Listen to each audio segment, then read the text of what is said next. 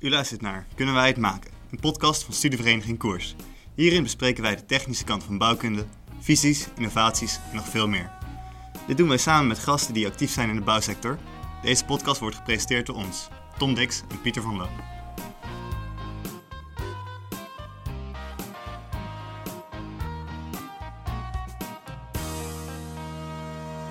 Ja, goedemorgen Pieter. Hey uh, Pieter, waar zitten we vandaag?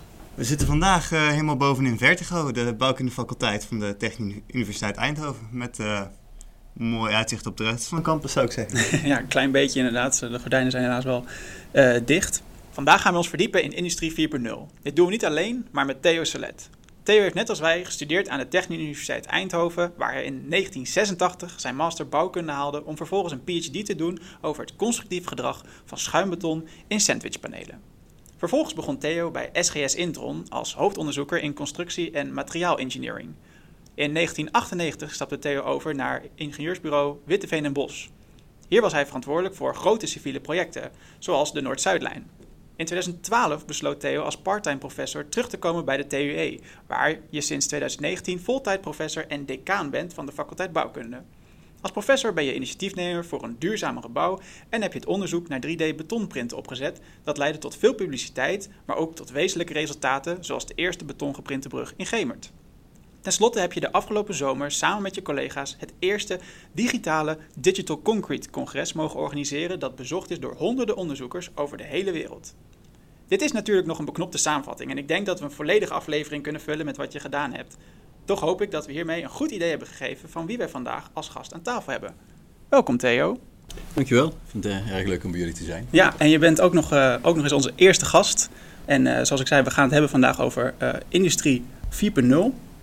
Daar komen we het zo nog wel over te spreken natuurlijk. Um, en naast je professionele carrière, zoals ik net beschreef, ben je ook vader van twee kinderen en sportliefhebber, heb ik gehoord. Ja, vader van twee dochters, Helene en, en Lisa. 22 en 25 jaar inmiddels. Um, van de jongste hier studeert niet bij bouwkunde, maar bij technische bedrijfskunde. Oké, okay. leuk. Ja, dat is goed gegaan. Mijn vader die heeft me altijd proberen te overtuigen om in Wageningen te gaan studeren. Dat is hem nooit gelukt. Nou, het is mij dus gedeeltelijk gelukt. Het eerste wat uh, Lisa aan mij vroeg toen, uh, toen ze dacht van uh, ik ga in Eindhoven studeren, kom ik jou dan tegen? en toen dacht ik, wat moet ik hem antwoorden? Dus ik heb zoiets heel halfslachtigs geantwoord. Ik zit in een ander gebouw dan jij. Als ik die ene uitgang neem en jij die andere bij jou, dan zien we elkaar nooit. En toen ze iets beteuterd keek, dacht ik, volgens mij wil ze me af en toe wel tegenkomen. is in drie jaar nu ongeveer één keer gebeurd. Ja, ze fietste toch, voorbij. Uh, toch best een grote campus. ja, dat is wel grappig. Ik liep dus naar het collegezaal toe. En ze fietst voorbij en ze riep hoi. En ik roep heel spontaan hoi terug. En pas enkele tellen later dacht ik, dat is mijn dochter. En krijgt zij vaak te horen van, uh, uh, is jouw vader de decaan van bouwkunde?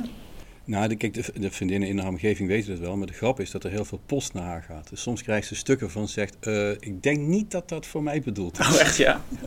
ja. Hey, en klopt dat je ook een sportliefhebber bent? Ja, Um, bij het actieve sporten wel een tijdje achter me ligt. Um, en het heeft alles te maken met tijd of de tijd die ik ervoor gun. Ik heb mm -hmm. zelf uh, fanatiek uh, getennist. Dat heb ik, uh, eerst heb ik gevoetbald, maar toen schopte ze tegen mijn knie. En toen die knie beschadigd was, mm -hmm. mocht ik een tijdje niet, geen contactsport doen. Gaan tennissen en toen, dat ging me goed af. Dus dat heb ik met heel veel plezier gedaan. Dat is een spelletje wat ik heel erg leuk vind, maar niet meer actief beoefenen helaas. En ik heb vanaf mijn jeugd ook gezeild. Ik woonde aan de Maas, in een klein dorpje, Ravenstein. En uh, ik mocht met een, uh, iemand die daar een zeilbootje had, mocht ik elke zondag mee. Dus daar genoot ik ontzettend van. Later ben ik mijn diploma's gaan halen als zeilinstructeur. En geef okay. kleine kindjes al een jaar of 15 les om in optimistisch te leren zeilen. Oh, wat vet. Ja. En verder ga ik nu kijken naar het hockey van mijn dochters. En dan ah, ben ik gewoon een papa langs de kant. Ja, dat is altijd belangrijk. En daar is tijd voor?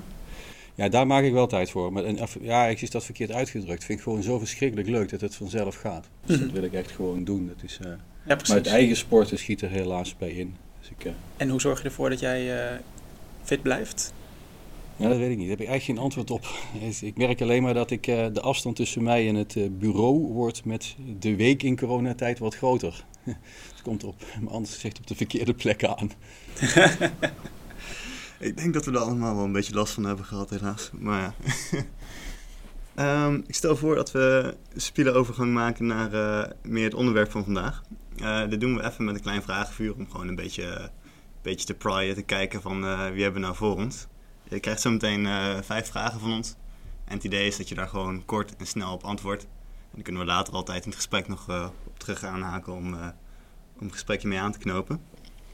Dus nou, even om op te warmen. Eerste vraag. Beton of staal?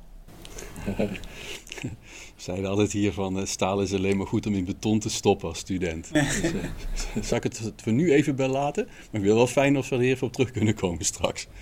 Oké. Okay, um, ehm, werken voor de universiteit of werken voor een uh, ingenieursbureau? Um, op het moment dat ik hier mijn PhD achter de rug had, werken voor een ingenieursbureau.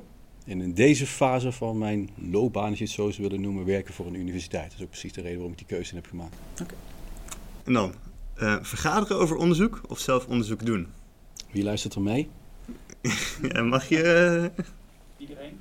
Nee, zelf onderzoek doen. Waarbij je, dus als ik moet kiezen, is het zelf onderzoek doen. Dat is ook de reden waarom je vanuit een commercieel bedrijf uiteindelijk naar een universiteit gaat natuurlijk.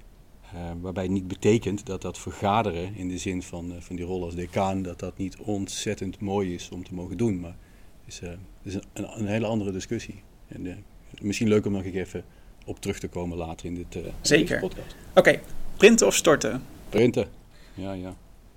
En dan nog een mooie onmogelijke. Sustainability of durability? Sustainability. Een dikke streep eronder, want daar valt durability gewoon onder en nog veel meer. Kijk, dat is een helder antwoord. Dat waren de vijf vragen inderdaad. En daar kunnen we nu nog even op terugblikken. Want ik heb wel een aantal, aantal vragen. Uh, eigenlijk waren het volgens mij een aantal no-brainers. Uh, en een, nou, misschien wat moeilijkere dilemma's. maar bij beton of staal kun je natuurlijk afvragen... waarom ben je destijds voor de betonleerstoel gegaan? Wat was de charme destijds van beton? Ja, dat, ik, dingen krijgen, hebben hun belopen. Dus je van mij nu een antwoord verwacht van... oh, toen ik klein was, toen... Hè, dat, dat is er niet. Wat ik wel weet is dat ik, ik vertelde net over dat zeilen, dat ik in Ravenstein woonde en uh, dat ligt aan de Maas. Mhm. Als je de Maas overgaat, dan kom je in Gelderland.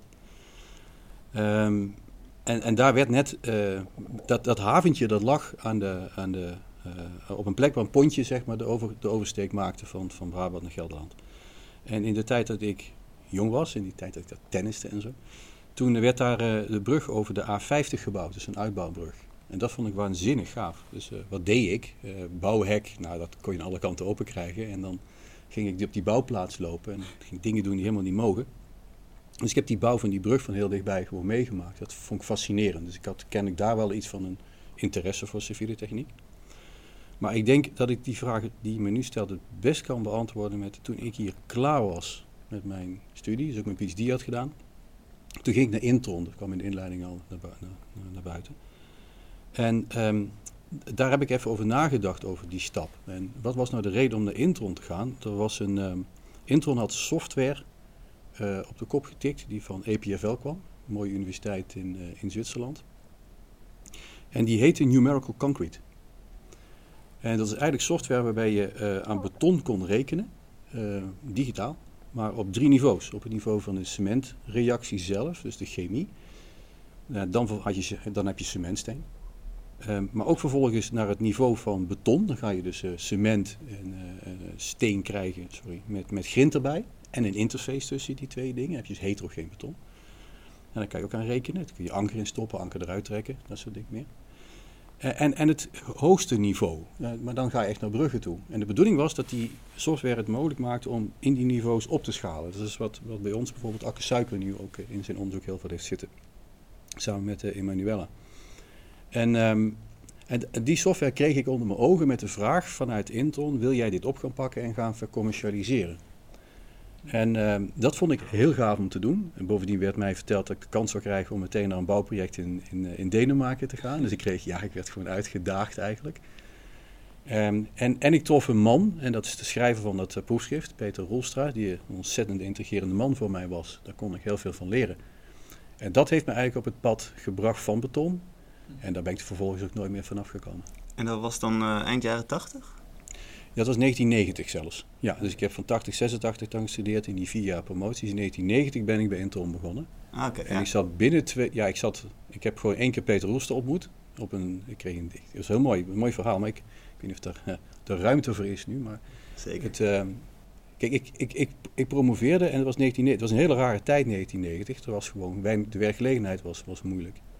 En ik sta daar, ik heb mijn promotie gehad, ik heb mijn verdediging gehad. En dan sta je daar in, in een rijtje, iedereen komt je feliciteren. En ik, had, ik was in een gelukkige omstandigheid dat drie mensen in dat rijtje achter elkaar aan mij vroegen of ik al een baan had. En mijn Sonja stond naast me en die keek me echt aan van wat is dit voor iets. Ja. Dus ik, eh, ik was in een gelukkige omstandigheid dat ik wat te kiezen had. Maar ik kreeg dus vanuit, eh, vanuit Intron de mogelijkheid om naar Zwitserland te vliegen in die tijd. Hè. Dat is de Ja. tijd dat je zo'n vliegtuig nog aan moest duwen.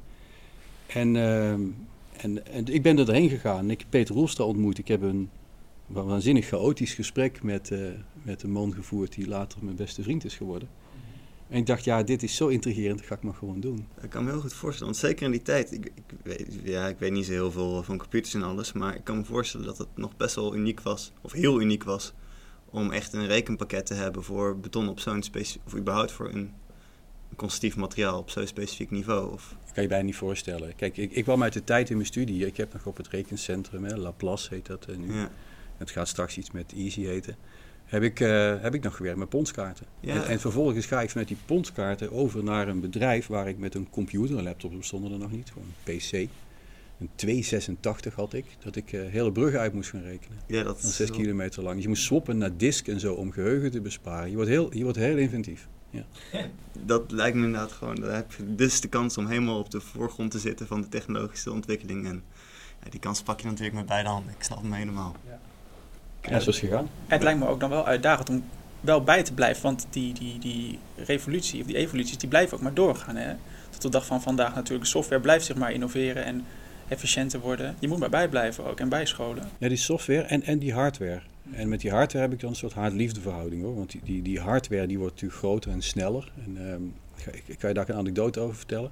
Maar die, ehm, eh, dat vind ik fijn. Hè? Dat vind ik, dat vind ik dan heel erg mooi dat dat, eh, dat dat zo is. Maar tegelijkertijd, ik begrijp het soms niet meer. Hè? Die 286 mij kon ik openschroeven en stopte ik er wat geheugen bij. En eh, het werkt allemaal met MS-DOS. Ja. Dus dat is een, een, een heel begrijpbaar besturingssysteem.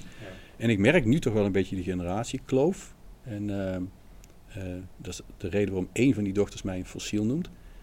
Dat ik ehm, merk gewoon dat ik niet meer snap waarom het zo is. En daar kan ik heel boos over worden. Dan sta ik soms echt gewoon, eh, oh, Ja. stom ding en zo. Want waarom doet hij niet? Doe, doe nou gewoon wat ze zeggen. Zeg, waarom? Nou, die vraag moet je dus tegenwoordig niet meer stellen. En die moest je Nee. vroeger wel stellen, want dan kon je gewoon nog wat aanpassen. Ja. Ik denk inderdaad dat wij dat allemaal niet doen. Eh, misschien een paar, eh, paar mensen die eh, in Metaforum eh, zitten en daar eh, informatica studeren, dat die nog wel echt vragen waarom. Maar ik denk dat de rest van onze generaties heeft, ah, dit ding werkt. Top, wat kan ik ermee? Beetje spelen en eh dan komen we vanzelf wel achter eh, of de simulatie gaat rennen of zo. Maar eh, helemaal begrijpen hoe en wat. Precies. Ik heb vorig jaar nog een nieuwe laptop gekocht en ik heb vaag een klein beetje onderzoek gedaan wat dan belangrijk is. Maar eigenlijk weet ik het ook niet en heb ik maar gewoon die gekozen. En hij werkt en ik ben blij. En nou, Ja, je moet, je moet je Google-account opgeven, denk ik. Waarom? Ja, die vraag moet je niet stellen. Gewoon opgeven. Ja. En password vergeten is eh, het, het, meest favoriete knopje van me geworden. Dat, is- dat past niet in je systeem, dat moet je leren. Die anekdote die is misschien toch wel even heel grappig. Want Ja. ik had ehm, ehm, in mijn, in mijn eh, PhD-tijd had ik een software geschreven voor eigenlijk sandwich-elementen. Uiteindelijk werden dat betonnen sandwich-elementen. Ehm, maar het ging over sandwich-elementen. En dat was een stukje software waarbij je die dingen uit kon rekenen. Het constructief gedrag van die sandwiches uit kon rekenen. Maar dat, eh, dan kon ik ongeveer op een nacht vier berekeningen maken. Dus die zette ik dan aan. Daar had ik een studentassistent voor in die tijd. Die me dan hielp om die badges klaar te zetten. Dan had ik vier sommen. Dus, en overdag kon ik dan die vier sommen analyseren. Veel later, we komen misschien wel een een keer terug bij de Noord-Zuidlijn. Maar veel later kwam ik op de Noord-Zuidlijn. En eh, toen was ik dan nog helemaal niet werkzaam daar. En toen waren ze bezig met de onderdoorgang door het centra- onder het Centraal Station door. Dus, dus vanaf het, eh, onder het IJ, een boortunnel, die, of zinktunnel, sorry, die vanaf het, eh, de overkant van het IJ, Amsterdam-Noord, onder het IJ doorging, onder het Centraal Station door. En daar moest onder het Centraal Station dus eerst een kanaal komen om dat zinkelement in te kunnen varen. En, en dat had eh, wanden nodig die heel stijf moesten zijn, anders ging het Centraal Station verzakken en zouden in dat monument scheuren komen. Ja. En ze waren bezig met na te denken hoe kunnen we daar nou hele stijve wanden van maken. En ze kwamen op een geotechnische manier om ook weer een soort van sandwichwanden te maken. Lang verhaal. Maar ze vroegen aan mij van, hey, met die software van jou, kon je dat toch gaan rekenen? En toen heb ik die software nog eens gezocht, kon hem niet meer vinden. Heb ik Johan van den Oever gebeld in het lab, in het uh, Structures Lab. En hij zei, oh ja, die heb ik nog wel. Dus binnen 10 minuten had ik mijn software terug. En toen heb ik hem een sommetje meegedraaid. Dat is heel raar, want je kunt die software nog gewoon lezen, ook al is het tig jaar later. Het is net alsof je dat boek weer open doet en je precies... Maar ik was teleurgesteld, want hij deed het niet. Ja, wat was er nou eigenlijk aan de hand? Wat, wat, hij normaal gesproken dus vier sommetjes in een nacht draaide, deed hij nu vier sommetjes in een seconde. Ik dacht dat hij niks deed. Ah, maar het, dat ging, hij was al klaar. Hij was al gewoon klaar. voordat ik de vraag gesteld had. Ja? Dus, Grappig inderdaad, ja. Nee, prachtig voorbeeld. Um, om nog even uh, terug te komen op een andere vraag. Over uh, universiteit versus een uh, ingenieursbureau. En dat ligt je net ook even kort toe inderdaad. In een bepaalde periode in je leven prefereerde je de universiteit en een andere periode de, het ingenieursbureau. En momenteel, als ik het goed begrijp, mag ik hopen ook, prefereer je de universiteit. En heb je, hebt een bewuste overstap gemaakt van part-time naar fulltime universiteitssteden. Um, ben je tevreden met die keuze, hoe het is gegaan? Van, en adviseer dat ook naar ja, andere ingenieurs van doe nou eerst werkervaring op en keer dan eventueel terug naar de universiteit? Ja, laatste weet ik niet. Kijk, voor mij was het gewoon, ik had uh, zes jaar was de opleiding toen nog, of. Ik heb nog een technische hogeschooldiploma gekregen in 86, de laatste. Um, uh, plus nog vier jaar promotie, dan heb je dus tien jaar op universiteit gezeten. En dan kan het zijn dat je een academische loopbaan uh, beoogt of zo. Maar ik was gewoon op dat moment met academische bagage heel nieuwsgierig wat ik daarmee kon. Ik wilde, ik wilde iets gaan maken buiten. Ja, toepassen. Toepassen, daar lag mijn grootste, ja, toepassen, daar lag mijn grootste interesse. Dat had ik nog nooit gedaan. Hè? Mhm. Dus dat wilde ik eens gaan doen. En, uh, en als je dat dan vervolgens, uh, ja, wat is het, 20 jaar hebt gedaan, 25 jaar hebt gedaan, dan merk je dat het toepassen, ja, dat, dat heb je dan, dat, dat, heb je een beetje uitgespeeld voor je gevoel? Nee, weet je, nou, dat, nee, dat niet, niet uitgespeeld. Maar wat er vervolgens wel ontstaat, is dat je merkt dat je altijd toepast met de bagage die er in je rugzakje zit. En dat, dat er altijd wel dingen zijn die je niet weet. Die, en als je die wel zou weten, had je het beter kunnen doen. Maar daar is in projecten ja, beperkte hoeveelheid tijd en ruimte voor. Dus wat er bij mij begon te knagen is, ik, er zijn eigenlijk zoveel dingen die ik eigenlijk wil doen, maar die ik niet kan doen binnen een setting van een commercieel project. Dat kan gewoon niet uit. Dat, uh, ja, als dat, dat, zo hard gaat knagen, dan moet je op een gegeven moment bedenken, dan ga ik, dan ga ik terug naar mijn oude liefde. Want daar ligt dan kennelijk nu weer mijn hart. Het is eigenlijk toch, het zijn fases, denk ik. Ik was nieuwsgierig, ik wilde onderzoek doen. En dat onderzoek, dat kon ik voor een deel doen binnen een industriële setting, maar niet in de mate waarin ik het wilde. Hm. Ja, dan komt dit. En dan neem je met pijn in je hart afscheid van het bedrijf wat je super lief is. Ja, je moet kiezen. Je moet kiezen, ja. En dat is, dat is nooit leuk. Mm um, en je bent begonnen dus parttime. In 2012 heb je gezegd van nou, ik, neem, ik, ik uh, sluit me aan bij de leerstoel. Uh, wat was toen echt, wat maakte toen de keuze van, wat, dat, dat was de eerste stap, hè, weer terug naar de universiteit. Was er een specifieke aanleiding voor? Ja, kijk, de, ik, dat was een beetje het einde van mijn periode bij de Noord-Zuidlijn. Mm -hmm. Natuurlijk een, uh, een, heel bijzonder project wat, wat over de grens van het mogelijke lag. Je moest iets gaan doen, zo'n zo tunnel door zo'n stad heen. Uh, hele slappe grond, uh, bijna dik water zou ik gaan zullen zeggen. Funderingspalen, panden op een paar meter afstand waar je bezig bent. Mm -hmm. millimeter settingen als criterium. Ja, terwijl ja, je gaat met een olifant door een porseleinkast en zegt dan niks breken. Ja. Dat is een beetje een en uh, ja, daar is heel veel onderzoek in gedaan. Dus daar begon bij mij denk ik al het wel te kriebelen. Mm -hmm. En er was heel veel mogelijk gelukkig binnen dat project. Dus ik denk dat daar bij mij de, de, de aandacht alweer hier naartoe ging. Plus wat er, wat er en dat, dat is ook wel aardig om te vertellen, is dat uh, een deel was helemaal geen bewuste keuze. Iemand zei tegen mij, er staat een vacature. En toen zei ik, ja leuk, reageer er eens op. Ja, ik, ja ik. ik ben zo lang in de industrie geweest, uh, lukt dat allemaal nog wel. Mm -hmm. Dus ik ben eigenlijk ook een beetje uit nieuwsgierigheid dat wel eens gaan proberen. En ik was misschien zelf wel het meest verrast dat ze mij kozen. ja, oké. Okay. Weet je veel concurrentie toen in die tijd, voor je gevoel? Dat weet je niet, hè? Nee, dat is nee, natuurlijk... Dat weet je niet.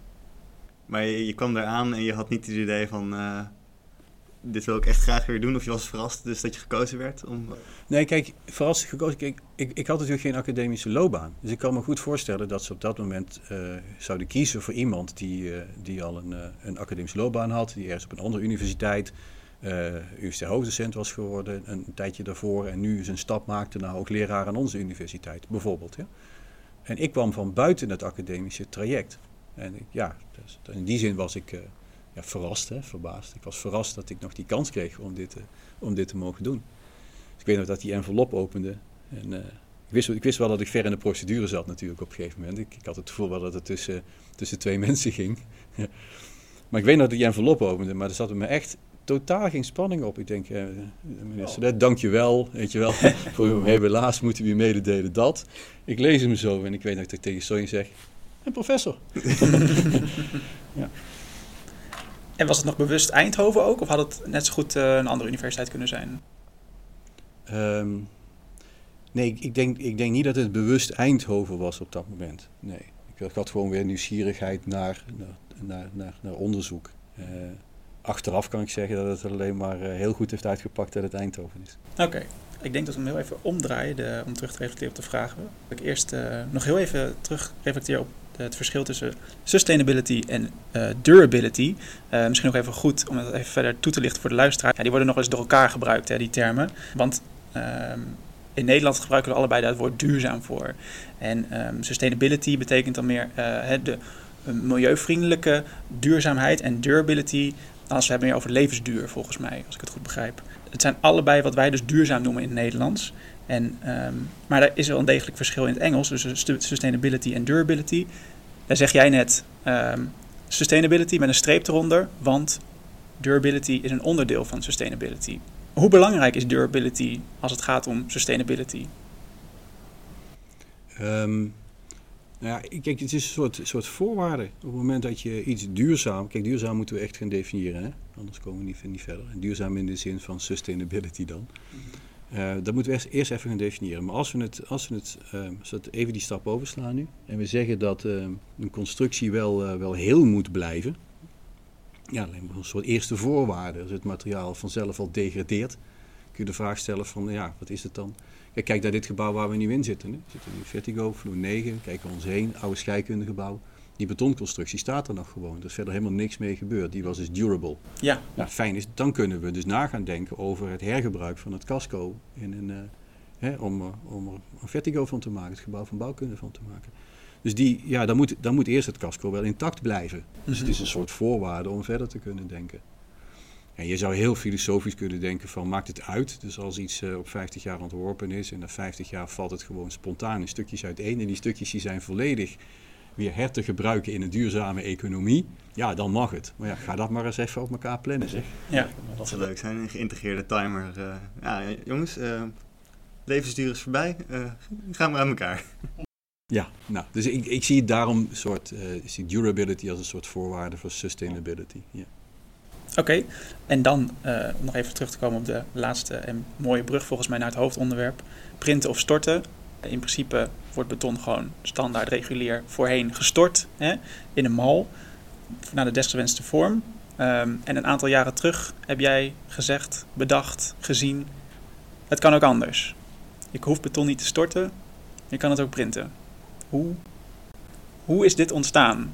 Oh, dat is makkelijk. Hoe het ontstaan is, is maar dat uh, is niet het antwoord waar je nu op zit te wachten. Ik zag, ik zag op tv dat iemand een uh, scheidsrechtersfluitje, komt die sportdag weer terug hè, een scheidsrechtersfluitje aan het printen was.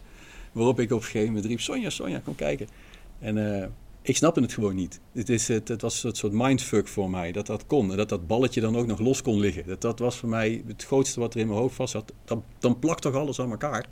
Maar dat balletje, ja, een beetje schudden en het balletje was natuurlijk los. Uh, dus dat vond ik echt uh, geweldig. Het was de eerste keer dat ik 3D-printen überhaupt zag. Dat was natuurlijk verder voor. Um, maar dat, ja goed, dus dat was mijn eerste belevenis met het 3D-printen. Um, maar waarom 3D-printen is een wat, wat ander antwoord. Hè? Waarom niet storten? Mm -hmm. um, kijk, het gaat mij helemaal niet om het printen van beton. Dat klinkt misschien vrij suf. In de tussentijd ben ik gewoon echt smoorverliefd geworden op dat printen. En uh, ja, voor mij is dat, ja, ik kan er helemaal mee, ja, dat, dat is voor mij nu alles. Maar als ik er even afstand van neem, en een collega van mij, Wit Veenenwils, noemde dan hier het woord altijd abstraheren, dan, uh, dan gaat het me helemaal niet over het printen van, van, van beton. Wat ik zie als ik beton stort, hè, op jouw vraag terug te komen, dan zie ik een heleboel dingen tegelijkertijd. Ik zie dat het waanzinnig zwaar werk is. Moet het maar eens doen. Ja, dus uh, ja, we hebben tegenwoordig betonpompen en zo. Maar heb je wel eens zo'n slang van je betonpomp in je handen gehouden terwijl de beton uitkwam? Dat is echt waanzinnig zwaar, weet je wel. En uh, En wat ik dan, eh, ehm, het vlechten van het wapeningstaal, want ja, dat zul je van tevoren toch moeten doen. Mhm. Dan sta je krom. Die mensen, die, die, eh, die, die, daar denkt onze overheid er nu over na, om als die op een leeftijd zijn, ergens midden 50 of zo, dat die met vervroegd pensioen kunnen. Net als buschauffeurs en er zijn meer van die beroepen waar het heel slecht voor je rug is. Maar dat is toch zo fout als het maar zijn kan. Kijk, iedereen moet toch op gezond op zijn 67ste bij zijn pensioen aan kunnen komen. En niet gewoon eerder met pensioen mogen om vervolgens de hele dag met een hernia op zijn bed te liggen. Dat is toch een waanzinnig slecht idee. En, um, um, dus dat moet niet. En, en dat, dat hangt aan het storten van beton vast. En uh, wat er ook aan vasthangt aan het storten van beton, is gewoon dat je heel veel gebruikt. Want je stort het in een mal en een mal die moet economisch uit kunnen. Dus die mal die is simpel qua vorm. En dus gooi je er maar heel veel staal en heel veel beton in. Ja, dan kom je bij het begrip duurzaamheid uit in de sustainability zin dan. Hè? Mhm. Dus daarom zou je het ook anders moeten willen. En dan, zijn toch wel twee hele belangrijke motieven om het, om het anders te doen. Ja, zoals ik het goed begrijp eigenlijk. Ehm, dat, wat je net zegt, ik ben uh, smoor verliefd geworden op het printen. Maar wel met in achterhoofd, als ik het ook goed begrijp, print is nooit het doel op zich, maar een middel. Absoluut, print is een middel, helemaal niet eens. Ja. Wat ik me ook nog heel erg afvroeg, want nou, mijn, mijn, kennis over beton is natuurlijk relatief beperkt, maar mijn indruk is altijd geweest. Een paar van de sterke eigenschappen van beton is juist het volume en de massa. Een goede toepassing van beton is bijvoorbeeld funderingen, waar je gewoon redelijk massieve objecten wil hebben en uh, wanden die, uh, ja, die compleet geluidsdicht moeten zijn, of zwaardere vloeren die tegen, voor trillingseisen zijn. En dan kom je al snel uit, voor mijn gevoel, op juist dat volume en die massa, dat dat heel voordelig is. Terwijl bij printen doe je eigenlijk het tegenovergestelde. Je maakt hele holle constructies, je legt dunne laagjes op elkaar. Ik weet niet of je goed wapening erin kan leggen, hoe dat dan werkt met, uh, met 3D-printen. Ik ben natuurlijk niet zo thuis natuurlijk. Maar um, ja, hoe leent beton zich dan voor zo'n andere uh, productiemethode dan hoe het traditioneel is gegaan, als het ware? Ja, kijk, en daar ligt nou mijn nieuwsgierigheid nou net. Want ik weet gewoon dat het met beton niet goed is. Hè? Als je gewoon nu kijkt naar beton en je kijkt naar het materiaal zoals het hè, tot nu toe was en is, dan weet je zeker van we gebruiken heel veel, ja, we maken grote dingen. Dus we gebruiken heel veel grondstoffen. En we weten ook zeker dat bij de productie van cement CO2 vrijkomt. Hoeveel weet niemand. Geleerden die roepen dan percentages van 5% van de CO2-uitstoot die we als mensen produceren. Dus niet, niet zeg maar de, de, de toendras die aan het ontdooien zijn in Siberië. Dat is, uh, is veel. Dus je moet de verantwoordelijkheid nemen. En dan word ik nieuwsgierig. Dan kan je zeggen, ja, aan de ene kant je materiaal gaan ontwikkelen. Dus dat het een ander beton wordt. Met een ander cement is gewoon uh, lijm. Cement. Ja? Dus een ander lijmmiddel om, om dat grind bij elkaar te houden. Dat kan. En dan kom je dingen als geopolymeren beton en uh, nou ja, andere vormen van beton die duurzaam zijn. Maar dat is de chemiekant, dat ben ik niet. Ik ben van de mechanica kant. Dus ik ben vanuit mijn kant nieuwsgierig, kan ik het dan anders doen? En dan weet ik één ding zeker. Zo'n vloer kan de helft van beton gewoon uit. Constructief. Dat zit op plekken waar geen spanning in zit. Ja, doe het dan weg. Maak het dan niet. En dan is additive manufacturing, printen, een mooie manier om het dan te kijken of je het dan kan doen. Ja, dan heb je gelijk. Dan kom je op een ander vraagstuk. Vraagstuk van, is, doet die vloer het dan nog? Nou, gaan we nadenken. gaan we nadenken. Hetzelfde met gevels, precies hetzelfde. Hè? Gevels, ja, die gevels die, die, die je ontwerpt op die manier, die zien er heel anders uit. Veel met biomimic-achtige structuren. Ik krijg allemaal vragen hoe dat met glas moet. Met, Maar dat vind ik net het mooie van onze faculteit. Dat het niet alleen maar een constructeur zit, maar er zitten ook mensen vanuit installatietechniek. We hebben ook collega's vanuit de bouwfysica hoek, hè, die gaan het geluid nadenken. We hebben ja, en ja, dan raak je een beetje aan het hart van de decaan nu. Zullen we dit eens bij elkaar gaan brengen? Ja? En gaan kijken wat we dan kunnen gaan doen. Ja? En dus niet, niet een beetje een soort vertalen zeggen van ja, we hebben nu eenmaal massa nodig. Maar kan het ook anders? Ja. Ja, je loopt natuurlijk gewoon uh, een trap naar beneden en je zit weer bij een andere specialiteit hier uh, in, in, op deze faculteit. Ja, je zou je zelfs de vraag uh, kunnen stellen of je nog wel een trap naar beneden moet lopen in de toekomst. We hebben een grote vloer nodig om alles op deze verdieping te krijgen. Of, of iets meer bewegelijkheid, hè? Ja. Om maar even, uh, toch even bij het uh, hoofdonderwerp uh, te belanden. Industrie 4.0, dat is in principe waar we, waarvoor we je hebben uitgenodigd. En in principe hebben we heel veel dingen al aangestipt die eigenlijk onder die paraplu al vallen. Zou jij toch nog even kort kunnen formuleren, wat is voor jou nou Industrie 4.0? Ja, de makkelijkste manier van dat formuleren is er gewoon even af te lopen. Want als er een 4.0 was, dan moet er ook iets daarvoor zijn geweest. Hè? Ja. Nou, het makkelijkste is om eigenlijk terug te gaan naar, naar, naar, naar heel lang geleden. Hè? Je weet inmiddels hoe oud ik ben. Dus dat, met mij kan dat. Maar we maken dingen uniek. Ja, het maakt niet uit. De klompen werden uniek gemaakt voor die boeren, de maat gemaakt. Dat, dat, het uniek maken van producten was, uh, uh, zeg maar een, een, generatie geleden, gewoon heel normaal. Je maakte gewoon kasten op maat of een tafel op maat. En vervolgens kwam er eigenlijk, uh, ja dat is, dat is prima, maar vervolgens kwam er een stukje industrialisatie. En die industrialisatie die kwam er eigenlijk alleen maar om te zorgen dat het fysieke werk kon worden vervangen door een machine. Dus een spierkracht door een machine. Maar het bleef daarmee nog steeds een uniek product. En dat is eigenlijk de industrie 1.0. Dus het vervangen van menskrachten door, door een machine. En wat je dan volgens in de industrie 2.0 gaat krijgen, is dat als we dan toch machines hebben en we zetten die op een rijtje, dan krijg je een soort uh, lopende band, line assembly. Is dat dan, wat, er verandert er eigenlijk niks, ja, of toch wel, want het unieke product gaat er ineens aan. Want dan ga je tot ontdekking komen dat dat alleen maar werkt als je niet elke klomp of elke kast of anders maakt, maar als je daar een, eh, een seriematige productie van gaat maken. Nou, wat komt daarmee? Je verdient geld, want het wordt goedkoper door het seriematig te maken. Maar je raakt ook wat kwijt, namelijk dat het niet meer uniek is. Ja. En dan komt eigenlijk een hele grote sprong. Dat is de sprong die we net ook al met dat digitale beton van mij maakte. Het feit dat ik met computers ging rekenen. Dan, dan ga je digitaliseren. Mhm. En uh, dan krijg je eigenlijk de industrie 3 en 4.0. Uh, beetje moeilijk om daar die grens tussen te trekken. Maar 3.0 is eigenlijk ga digitaliseren. Dus ga dat maken nou niet meer met een machine doen die één handeling uitvoert, waardoor je uh, massaproductie krijgt. Maar ga dat met een, uh, met een robot doen die nulletjes en eentjes lust. En die het niks uitmaakt dat die elke keer een andere handeling moet doen. Die programmeer je gewoon vooraf. Dus dat ding kan heel veel handelingen doen. In plaats van de machine die er maar één kan. En wat je dan krijgt is dat ineens die robot de machine overneemt en dat massaproductie ineens industrieel maatwerk wordt. Mass, ja, mass customization. En um, ja, da daar zit die hele grote slag in industrie 3.0. Dat is de grote slag. Dan, dan, dan, krijg je nog de industrie 4.0, want daar heeft iedereen het altijd over. En dat is eigenlijk de slag dat je nu ook nog gaat voorzien van sensors en alles wat je doet aan het Internet of Things gaat koppelen. Ik vertaal die uit maar, maar makkelijker dat, dat ik ook sensors in mijn geprinte beton stop, hè, of in, hè, om op die manier te kunnen optimaliseren ja, zijn. Maar dat, dat moeten we straks maar eventjes wat, uh, wat dieper over de, doorpraten. Maar eigenlijk is die, die slag naar 4.0 is de slag van 3.0 naar 4.0 is gewoon uh, het verzamelen van data en het koppelen van alles wat je doet aan het Internet of Things, het verbinden. Ja? Maar de grote slag is toch die industrie 3.0. Oké, okay. je hebt het vaak over, uh, want ik heb natuurlijk vaker een presentatie van jou gehad, over de why en de how toch? En ja. uh, dat hebben we net eigenlijk ook al beantwoord. Dus dat is even over de, de why, is vanwege uh, de, de, het zware werk en de, de, de monotone bouwstijl bijvoorbeeld. En, de, en de how is voor jou in dit geval kleur je hem in met betonprinten, als ik het goed zie. Ja, ik, ik, zou er eentje willen toevoegen aan de waarom-vraag. Mm -hmm. En dat is namelijk ook de productiviteit. Dus wij, wij in Nederland hangen dat duurzaamheid aan. Dat is een deel van de wereld die door een iets andere bril naar de samenleving kijkt dan wij in het Westen doen. Dus die kijken vooral naar productiviteit. Die, die hebt een, um, dat was tot een tijd terug in Nederland niet het beste argument. Ja, dat, dat, duurzaamheid was een, een, argument wat beter, wat beter bekleidde.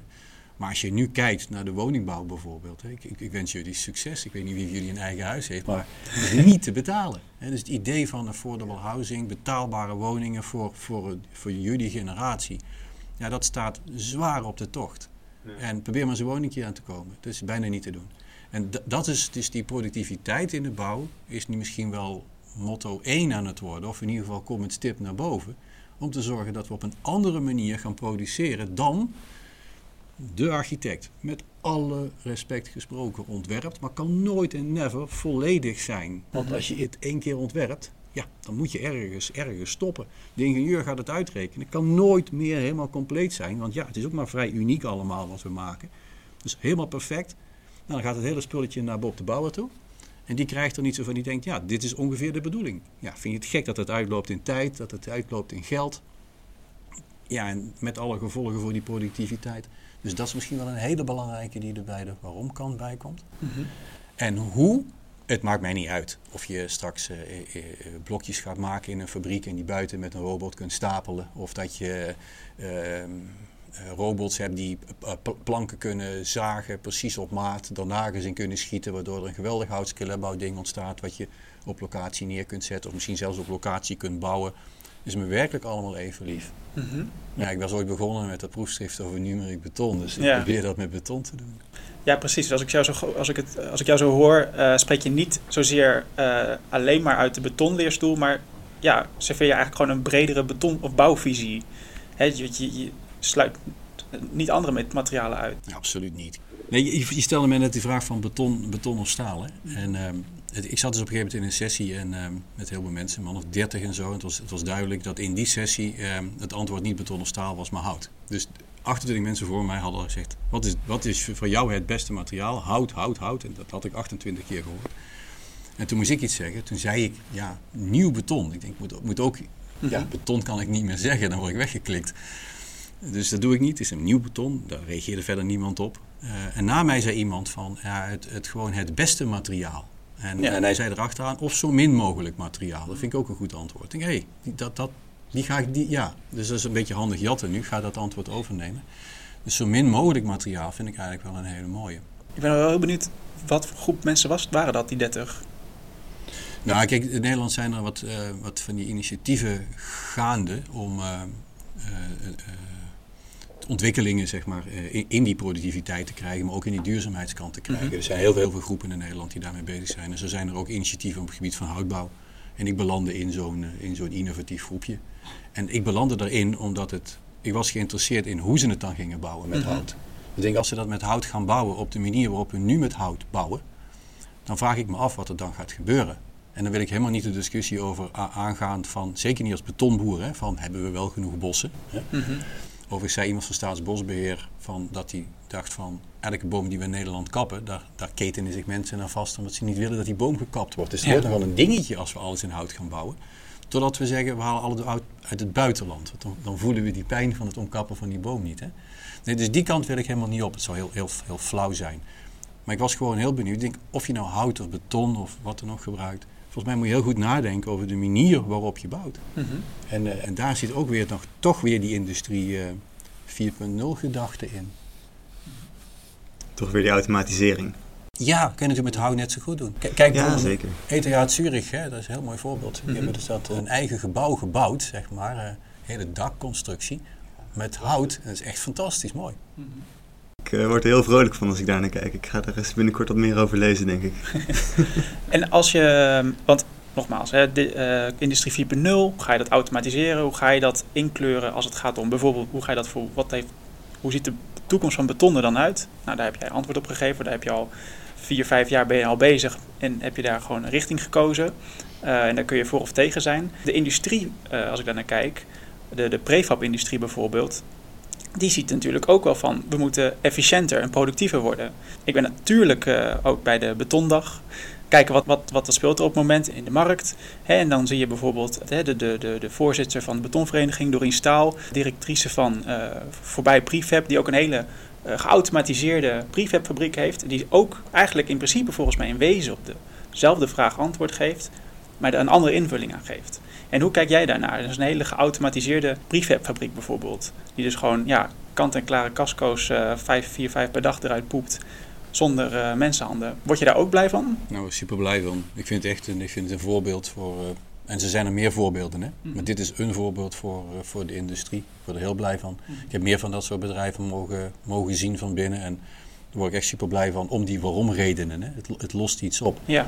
Tegelijkertijd deed Doreen nog wat meer. Um, uh, je hebt haar positie net genoemd. Ze zei, ze, ze nam het woord betonschaamte op dat moment op de betondag in haar mond. Hè? En daarmee ging ze dus over die grens heen van die industrialisering die ik zo, die ik zo aanhang. Uh, wat ze eigenlijk ook zei, is leuk die industrialisering, dat doe ik al als bedrijf, daar ben ik mee bezig, top. Maar tegelijkertijd zei ze ook van, ja, maar dan is het materiaal nog niet helemaal op orde. En zij neemt daar nu hele grote stappen in. Mm -hmm. uh, om, om haar bedrijf zo in te richten dat er alleen nog maar met duurzaam beton gewerkt wordt. Ja. Ja, dan, dan maak je twee stappen in één keer. Precies, inderdaad. Want in plaats van dus uh, echt helemaal over een ander boeg te gooien en voor een ander materiaal te gaan, kiest zij ervoor of kiezen hun ervoor om te kijken naar hoe gaan we dat materiaal nou duurzamer maken. En hebben ze volgens mij in samenwerking met ja, een ander ingenieursbureau hebben ze een hele CO2-arme beton gerealiseerd met een alternatieve bindmiddel of gedeeltelijk alternatieve bindmiddel. En daar zit jij dan denk ik ook ja, daar, daar, ga je ook van juichen. Ja, ik ga van juichen. En sterker nog, uh, ik weet niet of dat er nu een openbaring is, maar wij werken daar ook weer mee samen. Mm -hmm. Dus gewoon als, als faculteit. Dus een groepje vanuit de faculteit wat uh, um, probeert mee te denken met, met, uh, met de industrie en met, dus met, met, met voorbij, maar ook maar de bedrijven die erbij betrokken zijn, mm -hmm. om mee te denken van waar zit er nog ergens kennis, lancunes, om die missie die we hebben met z'n allen, ja. om die tot een, uh, tot een goed einde te brengen. Mm -hmm. Want hoe is die samenwerking eigenlijk tussen universiteit en bedrijfsleven? Sta jij continu in contact met uh, allerlei bedrijven om te vragen van... hé hey jongens, waar zijn jullie nou eigenlijk mee bezig? Of uh, weten zij jou altijd te vinden? Of zijn het toch twee vrij losstaande dingen die per ongeluk soms een keertje samenkomen? En wil je meer algemeen, hè? Dus niet ja. ja. ja, kijk, ja, dan, dan, um, ja, dan schuift hij toch een klein beetje richting de uh, decaanrol op, zal ik maar zeggen. Hè? Ja. Want kijk, um, als ik hem toch even klein hou bij mijn eigen, mijn eigen leerstoel bijvoorbeeld. Omdat ik die industrie ken, is dat voor mij geen onbekende. Ik weet hoe ze denken. Ik weet ook... Wat ik, wat ik probeer te doen, is, is netwerken te creëren. En dat is voor mij de manier vooruit. Hè? En ik heb een nieuw woord geleerd, ecosysteem. Dus gebruik ik nu te pas en te onpas vertaan. Um, en wat is dat eigenlijk? Het is niks anders dan, uh, we weten met z'n allen dat er iets nodig is, dus de waarom-vraag. Dus dat voelt mm -hmm. echt al iedereen, dat is niet zo moeilijk. Maar dan wordt het lastig, hoe zet je dat om in actie? Mm -hmm. Nou, dat, dat in onze wereld is het vaak zo dat alles wat je doet in, in, aan gebouwen en in de gebouwde omgeving, heb je een overheid voor nodig. Voor de vergunning of omdat je grond nodig hebt. Dus die overheid speelt bij ons een veel grotere rol dan bijvoorbeeld ASML. Die kunnen gewoon chips maken zonder, nou ja, Tegenwoordig komt de overheid er ook bij, want moet er dan wat of iets wel of niet mag, geloof ik. Maar um, die overheid is voor ons heel belangrijk. Dus wat je moet doen, is je moet uh, met die overheid gaan praten en zeggen: jullie willen wat. En, en, en uh, articuleer die vraag nou heel erg goed. Ja? Zeg nou gewoon: wij willen als overheid sustainable zijn. Wij willen als overheid die, die aantallen woningen gaan realiseren. Als je dat goed articuleert en je zegt vervolgens: ja, dan heb ik een missie. Dus je moet echt een missie formuleren. En vervolgens zet je daar de universiteit bij. En deze universiteit die richt zich erg op de regio. Ja. Ja, maar vraagt van die regio ook wat terug. Ik wil wat doen, maar kun je dan ook wat voor mij terug doen? Dus dan gaan we lijnen we op. Dan heb je toch een enorme propositie om tegen de industrie te zeggen. En we hebben een vraag. En we hebben daar de brains bij, hè, uit de Brainport region. Die dat uh, mee kunnen helpen oppakken, waar de kennis er nog niet is. Nou, willen jullie nou als industrie meedoen? Mm -hmm. en, en daar worden we allemaal beter van. Jullie leren een hoop. Als je een beetje bijbetaalt, dan kunnen wij hier mooie dingen gaan doen. En dat, dat is toch een vrij eenvoudige manier om, om verder te komen. Dus je neemt een beetje het initiatief als het ware in, in dit verhaal dan. Uh, komt het initiatief van de ontwikkeling een beetje vanuit hier. En je probeert zoveel mogelijk mensen mee te trekken ja, dat, dat om, precies, het, uh, ja, om het te verwezenlijken. Ja, precies. En dat heb ik met die... Kijk, een mooi voorbeeldje daarvan. Klein is dus de, die, uh, de brug in Gemert. Ja. Dat was een klein, klein voorbeeld dat een overheid lokaal zei met een provincie erachter: we willen eigenlijk iets innovatiefs doen in een project. Dat hebben ze echt letterlijk in die uitvraag geschreven. Let op, hè, dat is super belangrijk. Ze hadden het ook niet kunnen doen, laagste prijs kunnen gaan. Nee, ze schreven in het ding van Gemert, hè, daar gaat het dan om, rondom, of Noordom heet het geloof ik. Daar schrijven ze, stond letterlijk in: doe iets innovatiefs. BAM dacht, ja, en wat dan? Ja? En kan BAM best iets innovatiefs, innovatiefs bedenken, denk ik. Maar die waren hier in het lab, die deden mee met dat printen. Die zagen die cilindertjes en dachten als we die dingen omdraaien, kantelen ze en we spannen ze voor, dan hebben we een bruggetje. En op dat moment ga je aan de gang. Zo, en dat geldt met Milestone, met de gemeente hier precies hetzelfde. Het is gewoon de nieuwsgierigheid die je dan met elkaar hebt. En, en wat ik nou zo leuk vind, is om te kijken of ik dit als decaan naar een ander level kan tillen. Dat het niet is iets van een leerstoel die dan toevallig wel die koppeling kan maken, omdat het, uh, het onderwerp sexy is of omdat, uh, omdat, het, uh, omdat die personen toevallig kan. Maar te kijken of we dit nu gewoon, ehm, en dan ga ik een heel moeilijk woord zeggen waar ik altijd over struikel, kunnen institutionaliseren. Als ik het langzaam zeg, dan lukt het. Ja? Dus dat we dit, het idee van ecosystemen bouwen, overheid met ons en industrie, triple helix, en in een aantal gevallen zelfs nog die burger erbij, hè, quadruple helix, dat we dat eens gaan leren, hoe we dat moeten doen. Ja. En dan sta je er versteld van hoeveel jonge collega's ik heb Gewoon, uh, gewoon jonge onderzoekers die dat gewoon al van nature in hun genen hebben. Dus als je daarmee gaat samenwerken, dan moet het toch lukken. Ja dat is wel mooi. Ik, ik loop nu uh, stage bij, uh, bij Duning, dat is een oud bedrijf. Ehm, maar die, daar heb ik de indruk gekregen dat de industrie momenteel, die willen het wel verduurzamen, maar dan is het heel groot deel is het wordt het overgelaten aan, aan toeval en, en wie ken je. Luning, omdat ze hout zijn, benadert iedereen ze altijd van... hey, duurzaam, leuk, kan je er iets mee? En dan, dan weten ze het vaak wel. Maar als de, uh, vanuit de opdrachtgever de vraag wordt gesteld... en dan niet even het goede persoontje bij wordt getrokken... om, uh, om nou even dat gesloopte gebouw wat een eindje verderop staat... hé, hey, die heeft ook de overspanning die we ongeveer nodig hebben. Misschien kunnen we daar iets mee. Als die directe connectie er niet is, dan gebeurt het ook niet of zo, lijkt het. Het is, best, het is ook best moeilijk, hè? Moet je je eens voorstellen dat je... Um, kijk, iedereen, dus ik denk dat iedereen wel duurzaam wil zijn. Ja. Maar wie betaalt die rekening? Ja. Uiteindelijk gaat het toch om de pegels. Wie, wie betaalt dat nou? Maar ook wie kan het doen? Dat is volgens mij een grote vraag. Nu heb jij vanuit je uh, decaanrol en vanuit je betonrol een heel groot netwerk in, in de betonindustrie. En je hebt een grote naam voor jezelf opgebouwd met de 3D-printer. Dus je bent nu heel erg makkelijk te vinden uh, voor alles en iedereen die dat wil.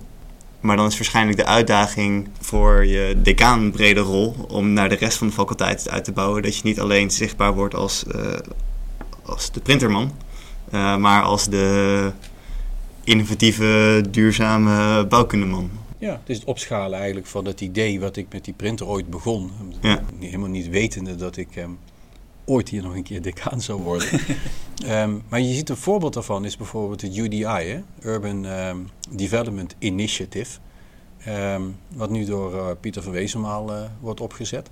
En wat beoogt zeg maar, om in het stedelijke, er staat er een heel eind bij mij vandaan met het betonprinten, om in dat stedelijke toch dit soort ecosystemen te gaan creëren. Eindhoven, Brainport regio, wat willen jullie? Wat is jullie missie? En dan bedoel ik niet, wij willen duurzaam zijn.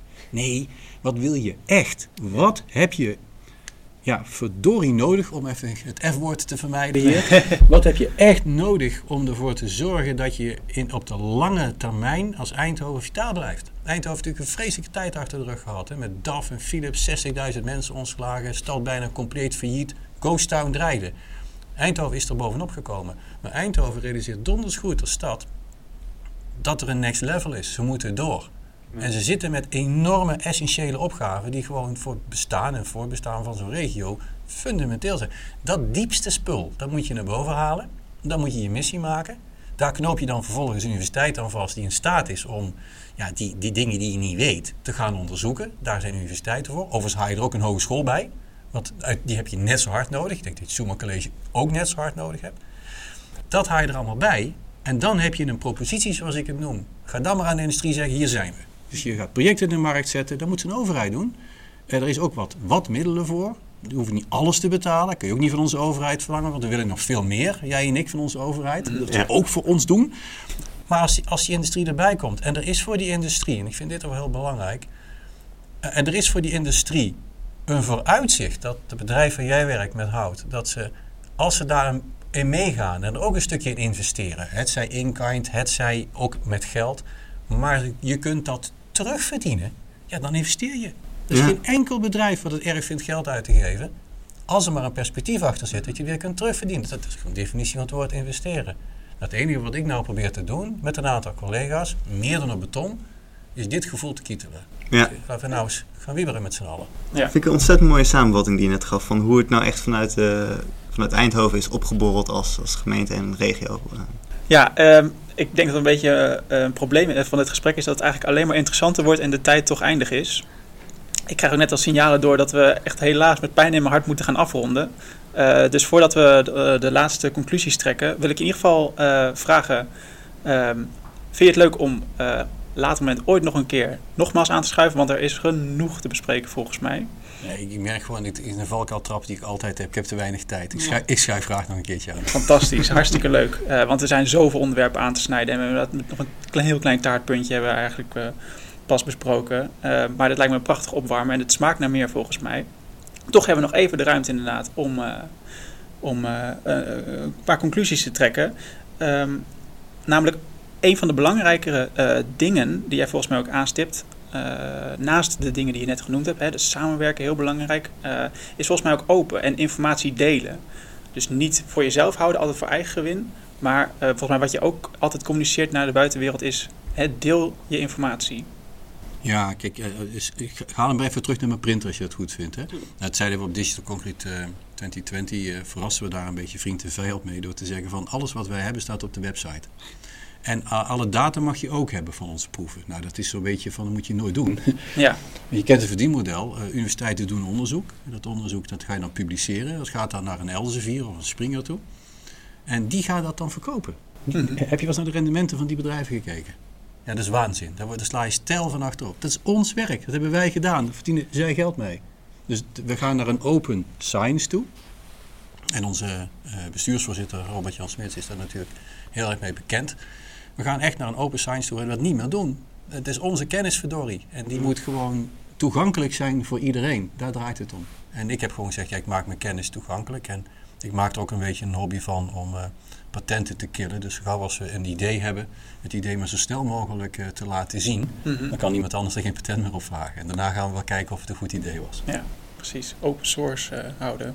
Heel mooi. Oké. Okay. Um, ehm, moeten afronden. Ik ben bang dat we moeten afronden. U luisterde naar Kunnen wij het maken? Gepresenteerd door Tom Dix en Pieter van Loon. Graag bedankt bij onze gasten vandaag. Theo. Leuk om te doen, dankjewel. Ja, ontzettend bedankt. En tenslotte willen we de commissie uh, die heeft uh, geholpen deze podcast te maken ontzettend bedanken. En natuurlijk uh, bedanken we jij voor het luisteren. Heel erg bedankt. we hopen dat je het leuk hebt gevonden. Wil je graag reageren op deze aflevering? Dan kan het door te mailen naar podcast.koerstue.nl of door ons te volgen op Instagram. Dat is @koersief in dit geval. Recensies kun je plaatsen op iTunes. Dit helpt anderen bij het vinden van de podcast en ons bij het verbeteren van de show. Over twee weken zijn we bij je terug met onze volgende aflevering. Voor nu bedankt voor het luisteren en tot ziens.